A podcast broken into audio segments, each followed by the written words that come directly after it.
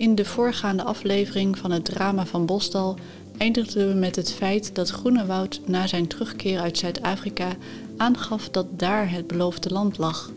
Het einde der tijden kwam met rassenschreden op hen af en alleen als de kinderen Gods allen naar het Afrikaanse Galilea vertrokken, kon men door God verlost worden en was een plaatsje in de hemel zeker gesteld.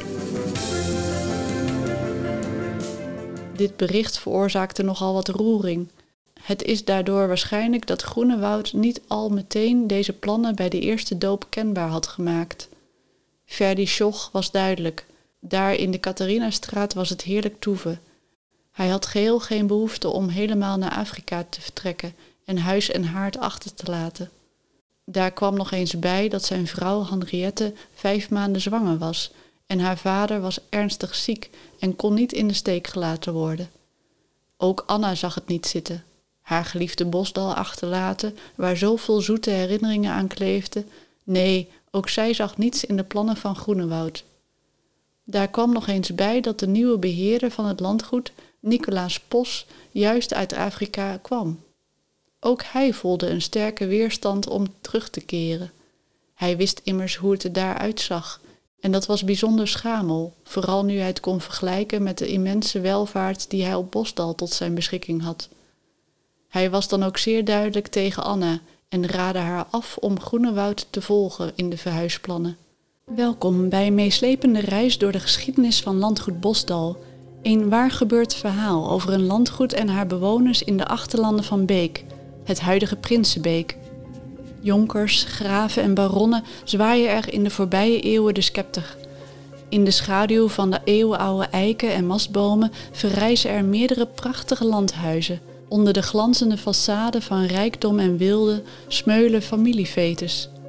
Een opsluiting in het Muiderslot, een duel op leven en dood, een vrouw die achterblijft met zes dochters, een charlatan die geld, eer en de goede naam ontneemt van verzegelde landgoederen om het overgebleven familiefortuin te bewaken tot het opgeven van de adelstand, het geld en het meest dierbare, je eigen familie.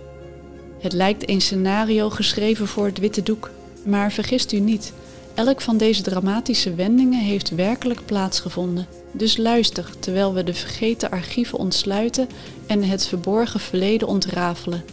Dit is het ware drama van Bosdal.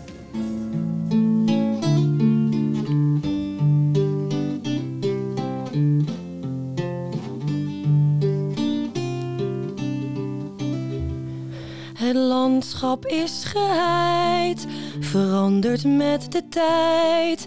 We kijken terug naar eeuwen vol met rijkdom en met strijd. Waar eerst dat mooie landhuis stond, vol wilden en welvaart, ontrafelt zich een drama van formaat. Groenewoud reisde vervolgens naar Zwitserland en Napels om tenminste daar de communes te overreden om naar Afrika af te reizen. En dat lukte wonderbaarlijk goed. August Schoch, die nog altijd in Zwitserland woonde met zijn vrouw Ida, wilde wel mee naar Afrika. En toen Groenewoud op 24 augustus 1868 was aangekomen in het zonnige Napels, was ook Ernest Schoch met zijn vrouw Sarah van Aiva Rengers bereid om naar het beloofde land af te reizen. Alleen Arnold Schoch, de wat recalcitrante en oudere broer, die niet onmiddellijk door Groenewoud overgehaald kon worden om zich te laten wederdopen, tekende protest aan. Dit alles resulteerde in een wat halfslachtige verhuizing van een deel van de commune. Slechts twintig man was bereid gevonden huis en haard in april 1868 te verlaten. Tot de groep behoorde August Schoch met zijn vrouw Ida en hun vier kinderen en twee dienstmeisjes.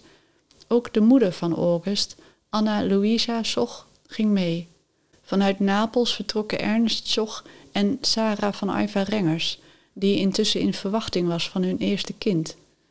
Voor het vertrek probeerden verscheidene achterblijvers de anderen te overtuigen niet naar Afrika te vertrekken. Zo reisde moeder Anna met Ferdi naar Engeland, waar het gehele reisgezelschap was samengekomen om zich gereed te maken voor het vertrek per stoomschip. Anna wilde haar dochter Sarah spreken. Ze vond hen in een hotelletje in Tilbury. Maar Groenewoud verbood Anna zelfs te praten met haar eigen dochter. Een techniek die hij vaker toepaste om te voorkomen dat er van zijn koers werd afgeweken. En zo vertrekt het gezelschap alsnog naar Zuid-Afrika, waar ze na een behouden vaart op 3 mei 1868 arriveren. Ze vervolgden hun reis met de trein naar een plaatsje genaamd Wellington. Het is niet bekend hoe het gezelschap hun aankomst op de commune aldaar ervaart. Zouden ze het als cultuurschok hebben ervaren? De heidevelden op de beek konden bij tijd en wijle erg droog zijn, maar in Afrika was het pas echt stoffig droog. Hoe zou Anna die zomer beleefd hebben? Mary zat in Londen en was eigenlijk een soort maîtresse geworden van Groenewoud, die bij al zijn reizen tussen de communes geen gelegenheid onbenut liet om Mary te bezoeken. Daarbij was ze geheel geïndoctrineerd door de dominee Denison. Sarah zat met Ernest Schoch in het verre Zuid-Afrika. De post deed er maanden over om haar te bereiken. Haar tweede dochter was inmiddels met Evert Willem Schallenberg getrouwd en was in Rotterdam gaan wonen.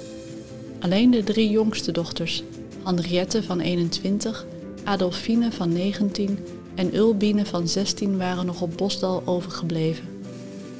Voor Groenewoud brak er in die jaren gouden tijden aan. Hij moet het geld hebben gekregen van Anna om al zijn reizen te bekostigen en nam het ervan. Hij maakte talloze trips rond de wereld, zelfs tot Egypte aan toe. Overal waar hij kwam probeerde hij aanhangers te winnen voor zijn secte. Het lukte hem uiteindelijk toch om Ferdi en zijn vrouw over te halen om naar Afrika af te reizen. Zij vertrokken met hun vier kinderen en kindermeisje naar Wellington in maart, ondanks de vele bezwaren van hun familie te Breda. Onderwijl probeerde Groenewoud ook Anna over te halen toch naar Afrika te gaan. De tijd zou dringen. Toen hem dat niet lukte, stuurde hij Ernest Schoch naar Bosdal. Misschien dat hij als schoonzoon Anna zou kunnen overhalen mee te gaan. Er vonden emotionele gesprekken plaats tussen Anna en haar dochters. Ook familieleden en predikanten van de hervormde kerk, die op de hoogte waren geraakt van de verhuisplannen, maanden haar te blijven waar ze was en haar geliefdkoosde landgoed niet op te heven. Zelfs Nicolaas Pos, de huidige beheerder, deed zijn uiterste best om haar te doen inzien dat het leven op Bosdal te verkiezen was boven het harde leven in het verre Afrika onder die meedogenloze zon.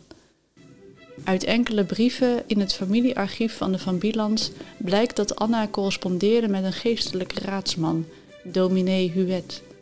Ze meldt hem hoe moeilijk ze het vindt om het juiste besluit te nemen. Huet waarschuwde haar voor de dwaalleer van de secte, maar was ook duidelijk over de kwalijke rol van Pos op het landgoed. Hij had veel te veel macht gekregen toen hij de touwtjes geheel had overgenomen en het landgoed bestierde alsof hij zelf de heer was. Maar de leden van de kinderen gods bleven ook constant op haar inpraten. Uiteindelijk nam ze eind juli 1869 haar besluit. Ze schreef aan Huet: Ik heb na een zware tijd besloten om naar Afrika te vertrekken.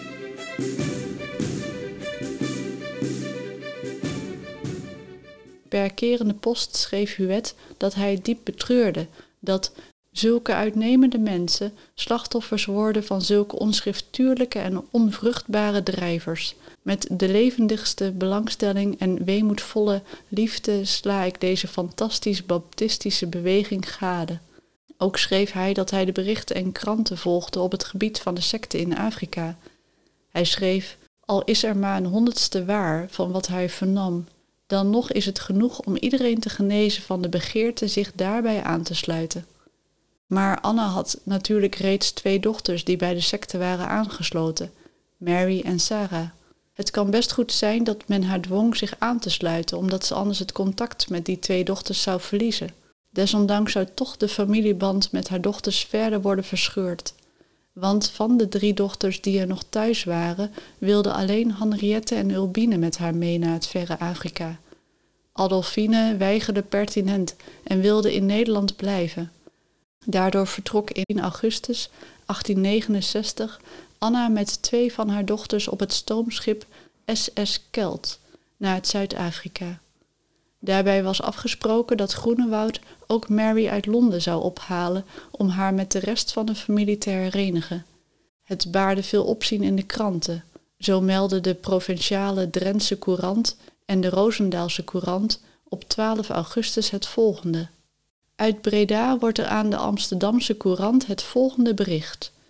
Een der laatst overgeblevenen van de kuddeke wederdopers, wier optreden hier in de tijd zoveel opzien baarde en door het ganse land zoveel gerucht maakte, mevrouw de barones van Aiva Rengers, geboren van Bieland, is op het punt haar voormalige gemeentegenoten te volgen naar Wellington, aan Kaap de Goede Hoop. Daarheen begaven zich allengs nagenoeg allen die zich den evangelist Groenewoud en diens medestander, den voormaligen luitenant Schoch, hadden aangesloten en deze naar Afrika volgden, waar volgens hun verklaring de Heer zijn rijk zal stichten en de gelovigen bewaren, terwijl ellende en jammer over Europa zouden uitbarsten. Lang schijnt de genoemde aanzienlijke vrouw, die een fraai buiten in de omtrek bewoont, geaarzeld te hebben aan de roepstemmen die telkens tot haar kwamen, gehoor te geven. Maar zij heeft de aandrang niet langer weerstand kunnen bieden en zal naar verkoop hare bezittingen het vaderland verlaten. Men kan zeggen dat met haar vertrek de gemeente der wededopers al hier heeft opgehouden te bestaan. Nadat zowel Anna als Henriette en Robine begin augustus 1869 waren afgereisd naar Zuid-Afrika, bleef Adolfine moederziel alleen achter. Ze wordt naar een religieus opvangtehuis gestuurd. Maar ondanks dat ze niet is meegereisd naar Afrika, lijkt ze niet anders in het leven te staan dan haar moeder en zusjes. Op 25 augustus dat jaar, dus een kleine twee weken nadat ze haar moeder en zussen heeft uitgezwaaid, schrijft ze haar oom Louis het volgende. Lieve oom, volgens uw verzoek schrijf ik u deze regelen. Ik ben hier gisteren in welstand aangekomen. Lieve oom, gij hebt mij gevraagd wat ik wil en wat mijn wens is. Mijn enige wens op het ogenblik is dat God u geven bekering ten leven en uw ogen openen opdat gij zien moogt in welk gevaar gij zijt om voor eeuwig verloren te gaan. Gij hebt misschien een God en uw verbeelding, maar den eeuwige waarachtige God en het eeuwige leven hebt gij niet. Jezus staat vol liefde aan de deur van uw hart en klopt om binnengelaten te worden. O, doe hem open. Bekeer u, want waarom zoudt gij sterven? Uw liefhebbende nicht Adolfine Rengers. Zoals we al in aflevering 6 weten, had Groenewoud een vrouw, Gietje Brakel. Hij was met haar getrouwd op 22-jarige leeftijd in oktober 1860. Het lijkt een trouwerij uit nood te zijn geweest, omdat acht maanden later hun eerste kindje, Maria Reinira, werd geboren. De bevalling gebeurde in Kaapstad, waar hij haar mee naartoe had genomen om daar missionaris te worden. Maar nog voor het tweede kindje werd geboren, verbrak hij resoluut de relatie. Terwijl Groenewoud zijn beweging de kinderen gods opzette, bleef Grietje alleen achter met twee kleintjes in dat verre Zuid-Afrika. Ze moest er zelfs zes jaar lang hard voor zwoegen, maar uiteindelijk spaarde ze genoeg geld bij elkaar om zelf terug te keren naar haar vaderland. In het voorjaar van 1867 zette ze weer voet aan wal in Nederland. Dat Groenewoud ze niet geheel vergeten was, bleek wel uit de krantenartikelen die kort na het vertrek van Anna naar Zuid-Afrika verschenen. Groenewoud had bij het weerzien van zijn kinderen en Gietje in Nederland de oudste ontvoerd. Op een van zijn vele reizen had hij het kind weer terug naar Afrika meegenomen. De Bredase Courant bericht hierover op 12 september 1869 als volgt. Ook in dit blad zijn van tijd tot tijd berichten medegedeeld aangaande een zekere te Wellington in Zuid-Afrika bestaande secte, de Wederdopers genaamd, welke uit ons vaderland en ook uit onze stad volgelingen hebben weten te verkrijgen. In de Kaapse Courant, de Volksvriend, roepen enige verleide personen welke met hun vrouwen en kinderen Nederland verlaten hebben, de hulp der menslievende Afrikanen in om naar hun vaderland terug te kunnen keren. Zij geven daarbij een verhaal van alle schandelijke en zedeloze bedrijven waaraan de secte zich overgeeft en worden in hun beden door twee predikanten aldaar ondersteund. De echtgenote van het hoofd der secte, ene zekere Groenewoud, wilde geen deel uitmaken van hen die onder een dekmantel van godsvrucht, door fanatisme vervoerd, zich aan een lui en anderhand ontuchtig leven overgaven. Zij begaf zich nu drie jaar geleden naar Holland terug met hare beide kinderen van twee en vijf jaar oud. De laatste werd door haar echtgenoot tijdens een kort verblijf te Breda ontvoerd en naar Afrika mee teruggenomen. Der ongelukkige moeder van haar kind beroofd, vertelde over de gruwelijke zaken van mishandeling en zedenbederf der kleine. Zij beproefde alles om het kind terug te bekomen en diende ook tot dat einde een request in bij de magistraat, welke haar niet alleen gehoor verleende, maar zijn hulp zoveel mogelijk toezeide en haar uitzicht tot verlossing van haar kind opende. De inwoners van Wellington, waaronder zij vele vrienden telt, waren intussen ook niet werkloos gebleven. Zij hadden weet te bewerken dat de overheid zich de zaak aantrok en het kind opeiste. Een vroeger lid der wederdopers diende tot gids in hun huis, waarheen de magistraat, vergezeld met politiedienaren, zich begaf. Daar vond men het kind in een soort van bergplaats, in een vleeston, waarvan de opening tegen de muur geplaatst was. Het kind weende van blijdschap bij hare bevrijding. Wel trachten de wederdopers zich daartegen te verzetten, doch dit baatte niet. Het meisje werd in de armen van de politiedienaar onder gejuich van de ingezetenen van Wellington naar een aldaar wonende predikant gebracht, alwaar het voorlopig verzorgd zal worden en vervolgende met de eerste gelegenheid naar Nederland zal worden overgebracht. Het meisje moet aan handen en voeten gebonden zijn geweest. De vreugde over haar bevrijding is algemeen. Twee leiders der secte bevinden zich in de gevangenis. Zowel te Wellington als in Kaapstad en elders is men bezig gelden in te zamelen om de reis van het kind en andere verleide personen naar Nederland te bekostigen. Dat was dus exact de plek waar Anna en twee van haar dochters naartoe waren afgereisd. Ze kwamen in Kaapstad aan op 14 september 1869 twee dagen nadat het krantenartikel was verschenen en ongetwijfeld onbewust van de commotie die zo kort ervoor had plaatsgevonden. Dat er verdere rampspoed de adellijke familie zou treffen staat buiten kijf. Inmiddels moet ook haar broer Louis van het vertrek van haar zus op de hoogte zijn gebracht. Hij heeft toen, zoals we zagen in de eerste aflevering, direct actie ondernomen om de boedel op Bosdal te verzegelen maar dat hij niet had gerekend op de sluwe plannen van Groenewoud en zijn kinderen gods is evident.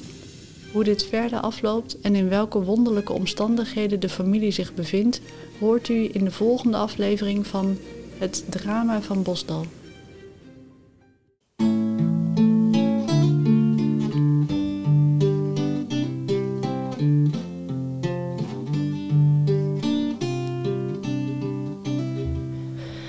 Landschap is geheid, verandert met de tijd.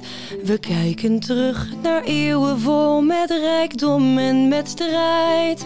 Waar eerst dat mooie landhuis stond, vol wilden en welvaart, ontrafelt zich een drama van formaat.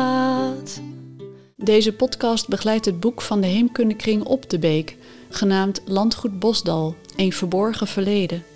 Het boek onthult het volledige verhaal van het landgoed, gedetailleerd en verrijkt met talloze afbeeldingen. De auteurs Chris Peters en Sjoerd Eventens hebben nauwgezet door de vergeten archieven gespit om het ware verhaal te reconstrueren.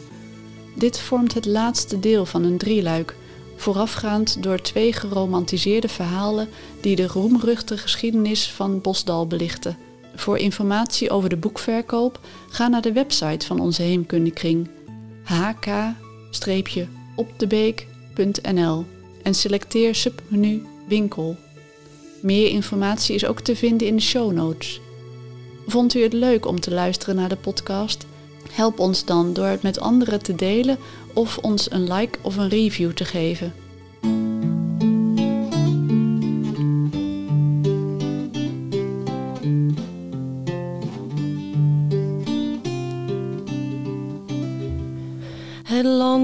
Is geheid, verandert met de tijd.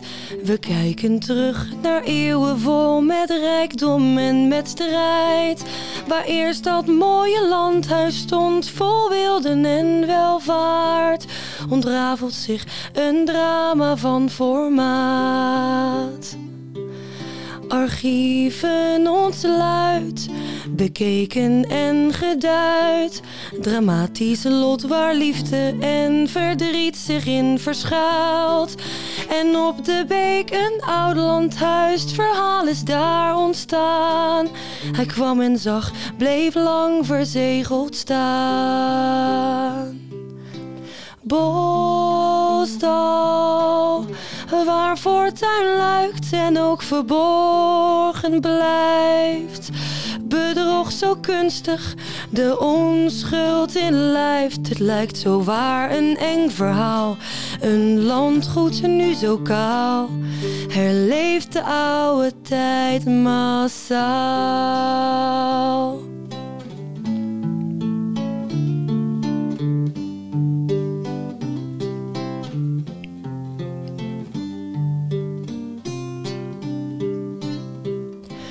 Bos talput kracht, haalt energie en pracht. Uit Beekse mensen samen steeds actief met man en macht. Het leven ook, het avontuur, de mensen, de muziek. Want dat maakt de beek zo uniek. Bosdal, waar voortuin luikt en ook verborgen blijft. Bedrog zo kunstig, de onschuld in lijft. Het lijkt zo waar een eng verhaal. Een landgoed nu zo kaal. Herleeft de oude tijd massaal. Herleeft de oude tijd massaal. Deze podcast werd mede mogelijk gemaakt door de Mastboom Brozen Stichting. Het Bosdallied, gezongen door Florianne Spijkers, met gitaarbegeleiding van Anton Spijkers. Verteller Anneke Eftens.